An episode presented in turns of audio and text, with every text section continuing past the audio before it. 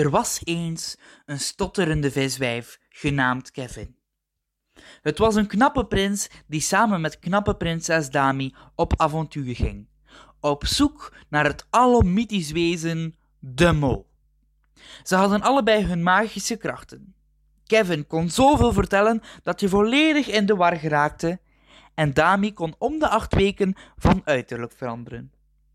Prinses Dami begon de zoektocht naar de mol al liggend op een vliegend tapijt, bestuurd door hofnaar Philippe. Prins Kevin begon in het mysterieuze maisveld op zoek naar zijn jachtpijlen.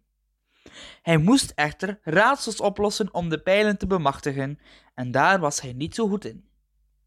Bij de opdracht waarbij ze bijna allebei in de eeuwigheid geknuffeld werden, sprak Kevin over zoveel totdat zijn tegenstander Katrien de heks moest loslaten nog voor hij kon vertellen over zijn dinosaurus.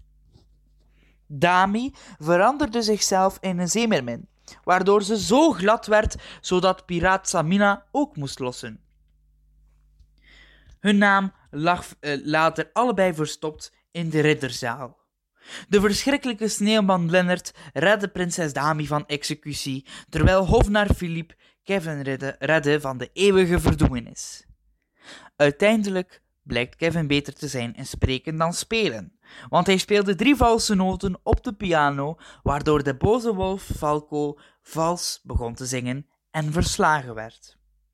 Dami moest er wel raden in welke huid haar medespelers kropen. In die missie slaagden ze wel ruimschoots. Ze bleken ook allebei heel goede opers te zijn.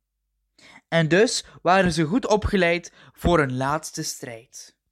In de magische bunker van de draak. Dami probeerde raadsels van de draak op te lossen door te rekenen met heks Catherine, terwijl Kevin probeerde weer te onderhandelen als een echt viswijf.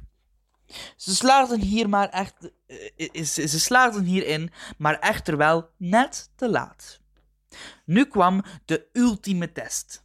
Twintig raadselvragen over de mol. Ze kregen hierna allebei helaas het rode scherm van verdoemenis.